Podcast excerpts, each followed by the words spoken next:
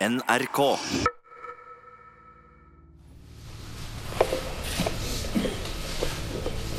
Ja, eh, Ahmed. Eh, du får prøve å fortsette der du var. Vi kjører innover veldig dårlig vei. Og mer vi nærmer oss grensa, dårlig blir veiene.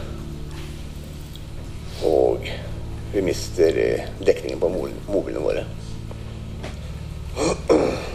Så begynner det å bli mørkt òg. Og plutselig så kommer vi fram til en liten, bitte liten by.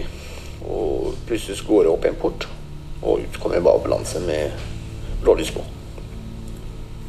Jeg stopper bilen, går bort til ambulansen. Ser min sønn ligger skada bak bilen.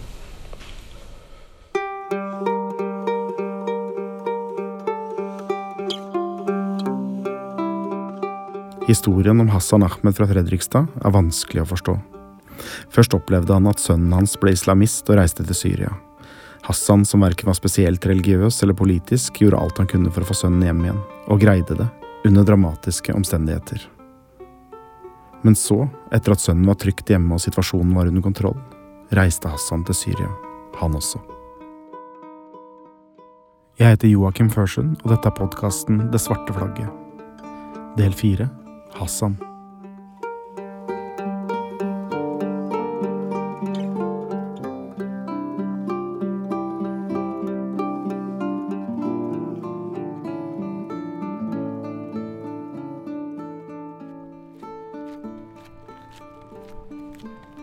Jeg har parkert bilen ved et lite vann i Trøgstad, dypt inne i skogene i Østfold. Og på ei lita slette mellom vannet, veien, en åkerlapp og et sagbruk ligger fengselet.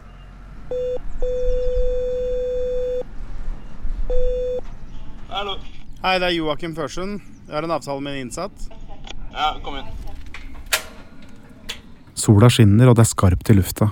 Menn i alle aldre sitter langs veggene og myser, oppå bordene gjerne med føttene på benkene. Hvor er det han sitter hen? Er, han er oppe på rusmestringa. En mann med kort svart hår og grålig skjegg kommer gående ut av et rom i enden av en lang gang.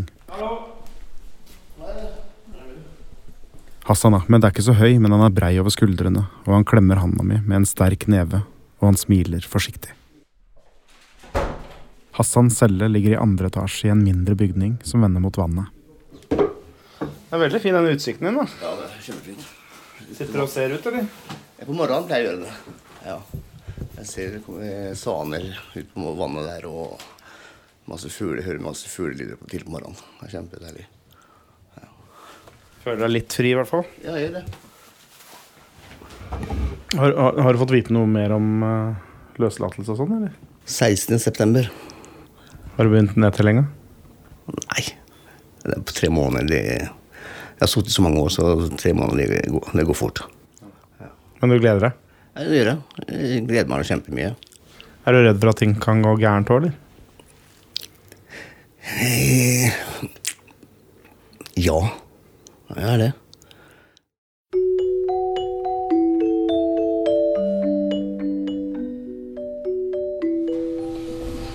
Ja, da er retten satt, og da er det Oslo tingrett som da skal behandle straffesak hvor eh, tiltalte er da Hassan Ahmed.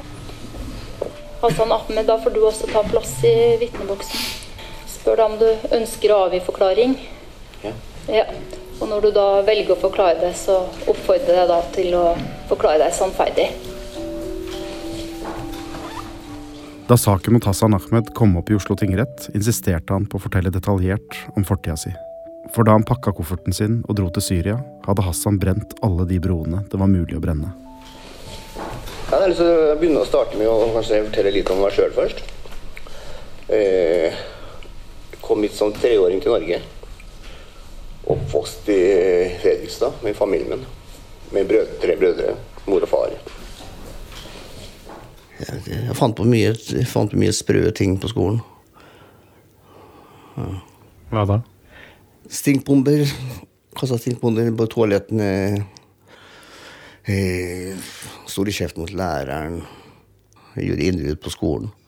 I klasserommet vårt. Og tok alle karakterbøkene. Og rev med stykker. Når jeg nå fikk liksom lapp med melding hjem fra skole, sånn, da, så det var noe jeg skrev under på selv, da, så de visste ikke så mye for hva som skjedde på skolen, egentlig. Jeg kjeda meg, så var det kanskje Heller kanskje bli godtatt kanskje av de rundt meg, og sånt nå, så bli godtatt der sånn.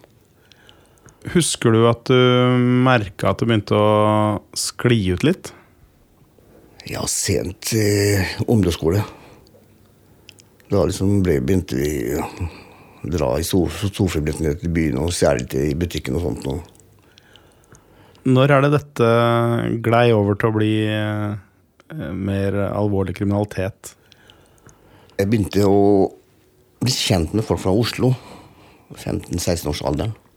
Derfor jeg fikk jeg tilbud om å bo gratis hos de guttene da, og jobbe der inne. Hva slags, hva slags gutter var det her? Det var en del av gamle gjengen. Så Det var ikke noen tilfeldige gutter du hadde truffet? nei, det var ikke det. Vi fløy rundt og hadde det gøy. og Hvis noen av våre folk fra vår gjeng da ble banka opp, så dro vi tilbake til dem og banka noen av dem. Skjønte du hvor de hadde fått alle pengene sine fra? da? Jo, etter hvert så skjønte jeg hva som, var, hva som skjedde der. Så, ja. Det ble mye innbrudd. Politi kom, ble kjørt hjem av politiet. Hjem til foreldrene dine? Hjem til foreldrene, ja. Og eh, det var mye bekymring rundt meg, da. De snakka mye hjemme og mente at kanskje det var på tide at jeg gifta meg. Så hvis jeg gifta meg, så kanskje jeg fikk mer ansvar, så det gjorde at jeg ro- roa meg ned, da. Så det var ikke fordi de syntes det virka gifteklær? Nei, det var ikke noe gifteklær. Det var langt fra gifta på den tida. Sånn. Det var ikke det.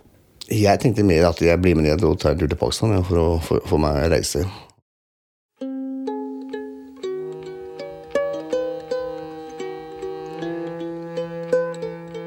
Så ble den 18 år gamle Hassan med mora og faren sin til Pakistan.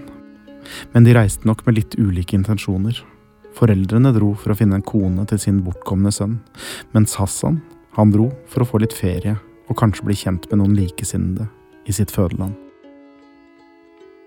Og fort jeg kom dit, så begynte jeg også å vanke sammen med folk som var litt på kanten av loven med en gang. da. Fant dem med en gang. Og så gikk vi bare ut på jordene, langt ut. Vi fant oss hvert tre, satte oss under skyggen der og prata. Så røyka hasj. Det også var altså noen folk som drev og sang mye, og så satt vi og hørte på det. og de, Mange gikk bevæpna allerede. Og der fikk jeg liksom å prøve forskjellige våpen med dem. Hva har du skjøt på da? Jeg skjøt i, bare skjøt i lufta og skjøt på, skjøt på trær. Hva er det du likte med det? Lyden og rekylet. Fyra.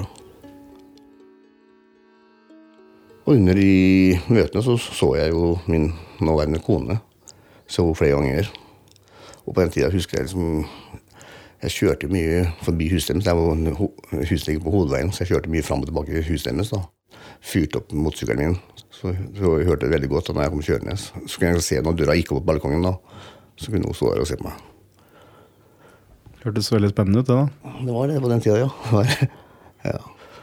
Og ettersom tida gikk, og eh, familien begynte å presse mer og mer på at jeg skulle gifte meg, så sa jeg bare til at da, hvis hvis skal gifte meg, så er jeg klar for det. Men da er en betingelse at det, de hjemme der sånn, og hun jenta der sånn, det, hvis de er klare for det.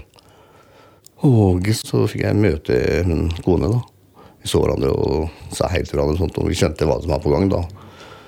Så hun sa ja. Så kom forlovelsen.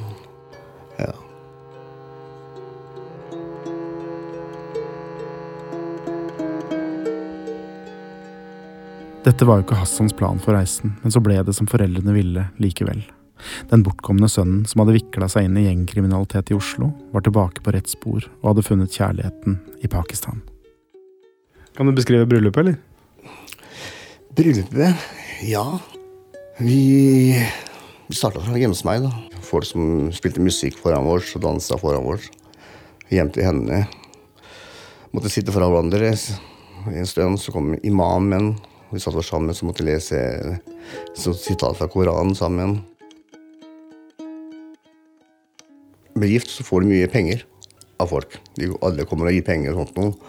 Og jeg fylte opp lommene mine med penger jeg fikk fylt opp, og noen måtte jeg gi fra meg sånt noe. Og så på vei ut av huset så kjenner jeg noen som jeg går inn i lomma mi.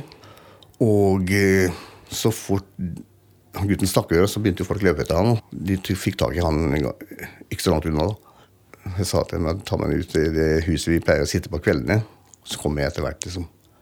Da da var det den gamle slåsskjempen som hadde våkna? Ja. Så var jeg, han fikk gjennomgå den data der, da. Han fikk mye bank. Han gjorde det. Av deg? Jeg jeg og kameraten min, ja. Men så hadde kona mi sagt til mora si da, at det, stakkars, det bare la han gå, liksom. Så lot vi den gå.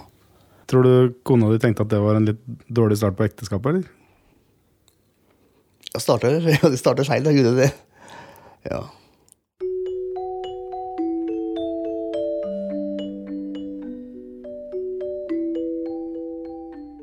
Norge var her et års tid før hun kom hit. da. Og da rakk du å finne tilbake til gamle synder? Ja, da var jeg i gang igjen, ja. Hassans kone kommer ikke til Norge før det har gått et år. De bosetter seg i Fredrikstad, og snart venter de sitt første barn. Fikk bare telefon sa at de måtte kjøre på sykehuset for så fort som mulig. Så kjørte vi av gårde på sykehuset. Jeg var ikke med på fødselen, jeg, da. Men jeg sto veldig sett, satt jo veldig spent og venta. Jeg tror jeg satt nesten seks-sju timer. Ja, lange timer. Og så ble det sønn. Ja, jeg husker veldig godt. Da for jeg var glad. Og da lå han ved siden av mora si. Og, og veldig stille. Han sa ikke så mye, egentlig. Ikke gråt, han bare titta rundt seg og sånt. Jeg, holdt, jeg, vet, jeg var veldig forsiktig med han. da. Jeg var ikke vant med å holde babyer. da. Så det var veldig uvant. da. Jeg husker hvordan jeg holde. Mamma visste meg hvordan jeg skulle holde. og sånt da. Etter han tok melk, så måtte jeg ha han opp mot skulderen min da, og stå og klappe pent på skuldra for å få han til å rape og sånt. husker jeg.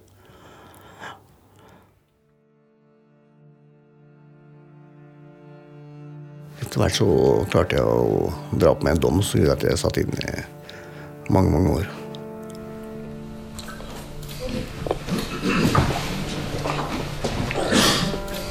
Så skjedde det et drap her i Norge i 93, som jeg var med på. Hassan ble med en kamerat til et gatekjøkken kalt Hjulet like ved fornøyelsesparken Tusenfryd mellom Oslo og Moss.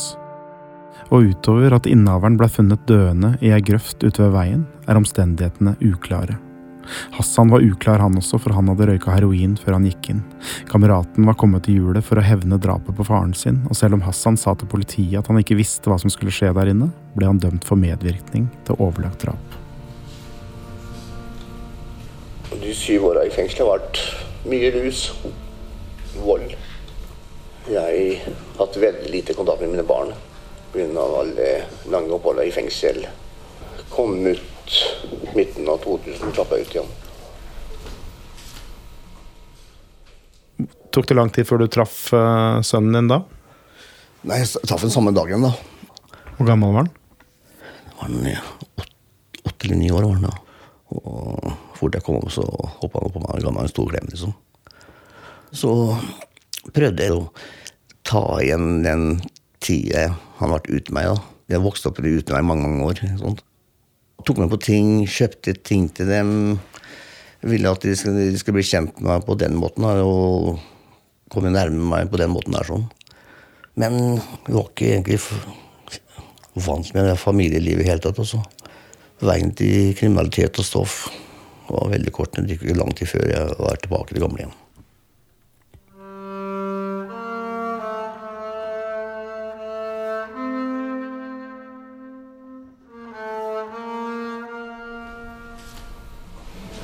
Ja, vær så god.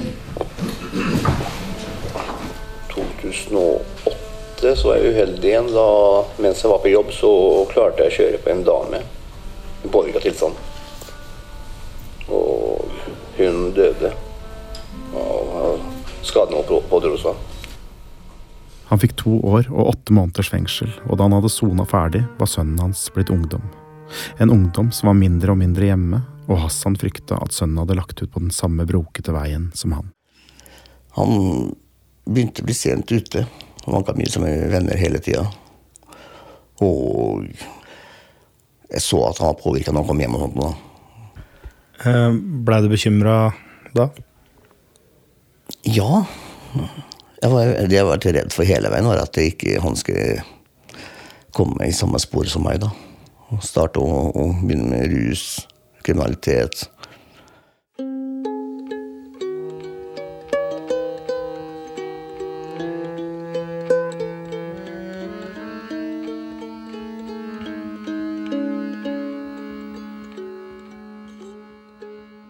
Man ble- eldre, da, når jeg så at han begynte å omgås med folk og begynte å be, og dreie mosker og sånt noe, da, endelig var noe jeg satte skikkelig pris på. og tenkte ok, nå har han endelig han har forandret seg, nå har han valgt den riktige veien. Jeg så at han begynte å be, og på den tida så begynte jeg egentlig å praktisere med religionen min selv òg. Begynte med bønn og sånt, og ikke fem ganger om dagen, men eh, begynte et par ganger om dagen og sånt noe. Hvorfor det? Hvorfor, det vet jeg ikke helt. altså. Vår religion, islam, sier at du kan når som helst be om tilgivelse. Og det er kanskje min måte å gjøre opp Så du tenkte at uh, han hadde fått skikkelig orden på seg da han begynte å be? Jeg tenkte at det var i hvert fall det- Han funnet i hvert fall en riktig retning, da. Og ble et bedre menneske, egentlig. Slutt med kriminalitet, slutt med rus. Ja. Men Men Det er men, ja. Han begynte å vanke mye inn i Oslo. Og så begynte, vi- jeg begynte å gå inn på telefonen hans, sjekke det, og så kom det fram at står det Ubay står det lagra et nummer. Det var et Ubay Dullah Hussein. Så gikk det en stund at jeg tok og sendte en melding til Ubay Dullah. Fortalte han alltid hvem jeg var, og jeg ønska at han ville holde seg langt unna min sønn. Denne Ubaydullah Hussein som Hassan ringte til, var en sentral skikkelse i profetens umma, en gruppe radikale politiske muslimer som gjorde seg bemerka i offentligheten på den tida gjennom demonstrasjoner foran Stortinget og den amerikanske ambassaden.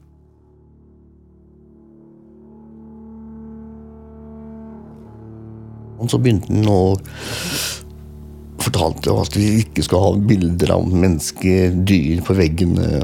Han begynte å si til mora si, søstera si at de måtte kle, bruke hijab, kle seg annerledes. Og komme med masse sånne ting, da. Så, så fortalte jeg at jeg hører du har gått og sagt til mammaen din at hun må begynne å gå med hijab, begynne å be, ta ned bilder og sånne ting. Han spurte hva det greiene var for noe. Så begynte han å forklare at uh, i, ifølge islam skal gjøre sånne ting og sånne ting. Så sa jeg, vet du hva, du skal ikke forklare din mor åssen hun skal gå kledd, eller søstera di. Det er bra at du ber og sånt noe, men eh, ikke prøv å liksom ta det utover familien din. Gikk ikke lang tid før han, eh, sånne samtaler, sånne ting begynte å skje, og at, han plutselig var borte.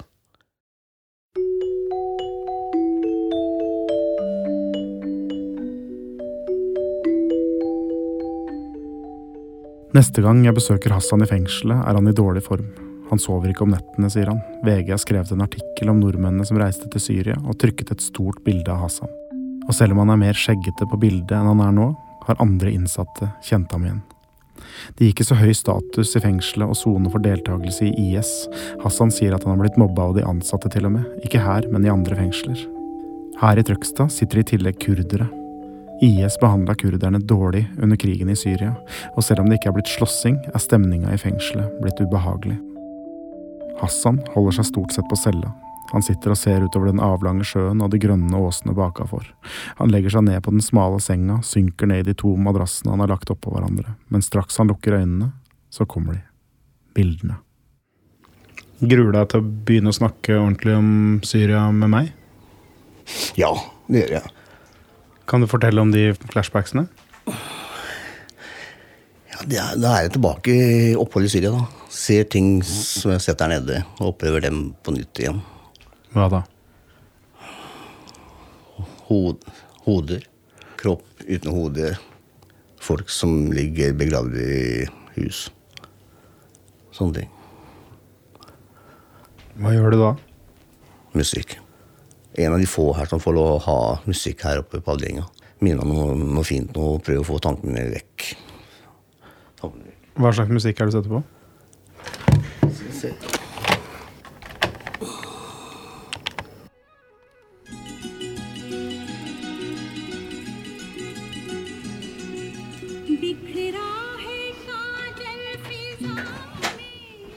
Blir du rolig av det? Ja jeg gjør det. Hva er det hva er det hva er det hun sier?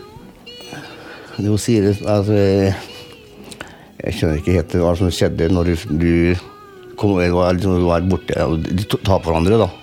Og så skjedde noe spesielt med at hun som glemmer helt seg selv eh, hvem hun er, hvor hun er og sånt noe.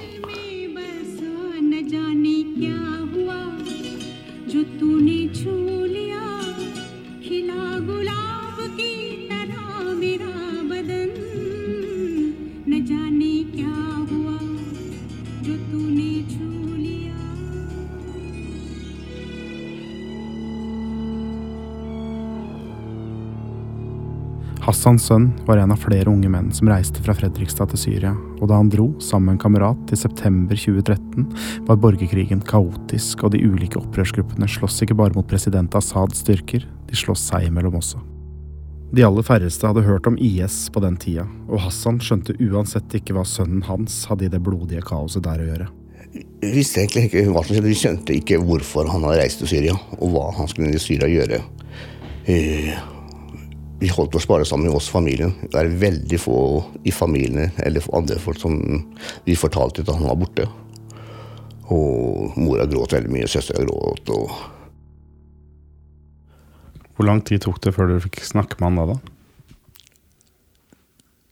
Da tok det, et par, par ukers tid, det var, cirka. Etter at vi fikk kontakt med han, så prøvde vi egentlig å overtale han for å komme tilbake så fort som mulig. Men da, da, sto- han på at nei, han var der nede for å hjelpe sine muslimske brødre og søstre. Jeg tror ikke en eh, nesten tre-fire fire måneder. Jeg satt i arresten hos politiet og ble, løst, ble løslatt tidlig på morgenen. Og kom hjem. Og fort jeg kom hjem, så fikk jeg høre at han hadde ringt. Fortalte han ble skadet der nede, var skutt. Og ville at skulle, jeg skulle komme ned og hente han fra en grenseovergang mellom Syria og Tyrkia. Og da dro du med en gang? Ja, da pakka jeg sammen ting fort og gærent. Fikk med en, venn, en god venn av meg. Og reiste rett til Gardermoen.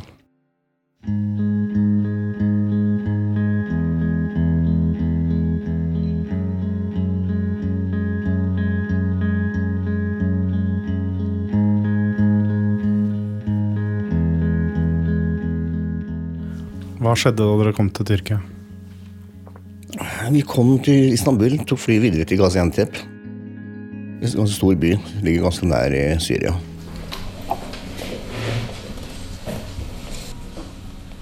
Vi prøver å ringe ham eh, mange dager. Telefonen er slått av. Og vi tror egentlig det verste daglig. I nærheten der er store kamper.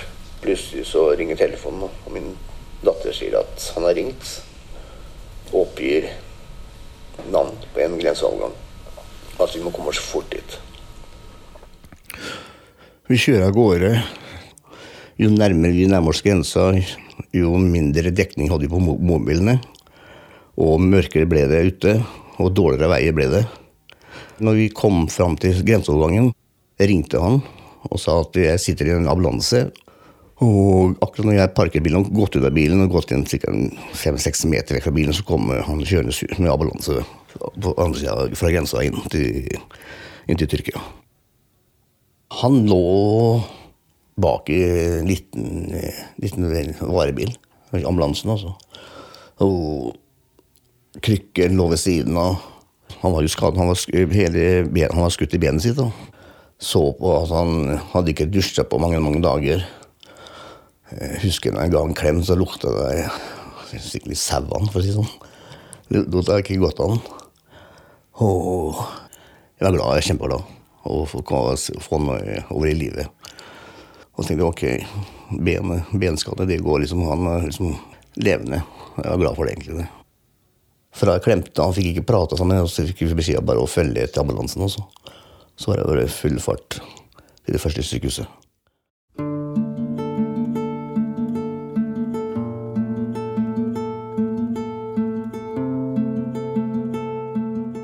Jeg fikk ambulansen til å kjøre til neste politistasjon. Og han gikk av der sånn. Jeg parkerte ved siden av. Og sa at jeg gjerne jeg skal, jeg skal være med på under alle avhørene. For jeg var redd for at de, kanskje de skal banke han, da. Så jeg var til stede under avhøret. Og han fortalte hva han hadde gjort der nede, og hjulpet folk og sånn. At um, så ung gutt lever, lever i trygge Norge, har alt på stell hjemme og velger å gå gi slipp på alt det gode og reise ned og reise og gjøre noe godt for andre. da. Så jeg var stolt av sønnen, egentlig. Hassans sønn blei lagt inn på sjukehus i Akershus, og det tok flere måneder å reparere den sønderskutte leggen. Etter at han kom seg på beina, ble han pågrepet av Politiets sikkerhetstjeneste og sikta for terror. Men han sto på det han hadde sagt helt siden han forlot Syria. Han jobba som ambulansesjåfør og ble skutt da han var ute for å hente såra soldater. Han kriga ikke, og han var aldri en del av IS. Men dette trodde ikke retten i Norge noe på. Hadde dere noen gang noe samtale om hva som hadde skjedd i Syria? Ikke utenom det han sa i sin forklaring til tyrkiske myndighetene. Lurte du ikke på det heller? Endelig fått en hjem han halta rundt og måtte ha hjelp til meste og sånt noe. Og eh, da var jeg ikke så veldig interessert i Syria. Vi må tenke på det vi har her og nå, og gjøre best mulig ut av det. Så jeg trengte ikke å spørre han hva han har sett og opplevd. Det spurte aldri om, ville ikke spørre han heller. Tenkte du på det tidspunktet at uh, til Syria, ditt uh, Dit har jeg også lyst til å reise. Nei, ikke i det hele tatt. Gjør ikke det.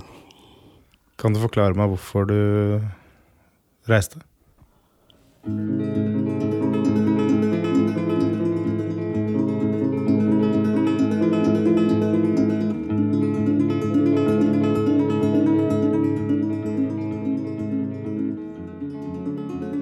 Dette var fjerde del av podkasten Det svarte flagget, og om en uke, tirsdag 22. oktober, får vi vite hvordan det går når Hassan sjøl setter kursen mot kalifatet i Syria. Og jeg blir med ham ut av fengselet og inn i hans nye leilighet når han har sona ferdig dommen sin. Det svarte flagget er produsert av Monster for NRK. Den er laga av Sigurd Øygarden Fleten og meg, Joakim Førsund. Musikken er komponert av Klogs og Steinar Aknes, og episoden er miksa av Hans Kristen Hyrve. Redaktør i NRK er Anne Kvatsheim. Alle episodene av Det svarte flagget blir gjort tilgjengelig i appen NRK Radio.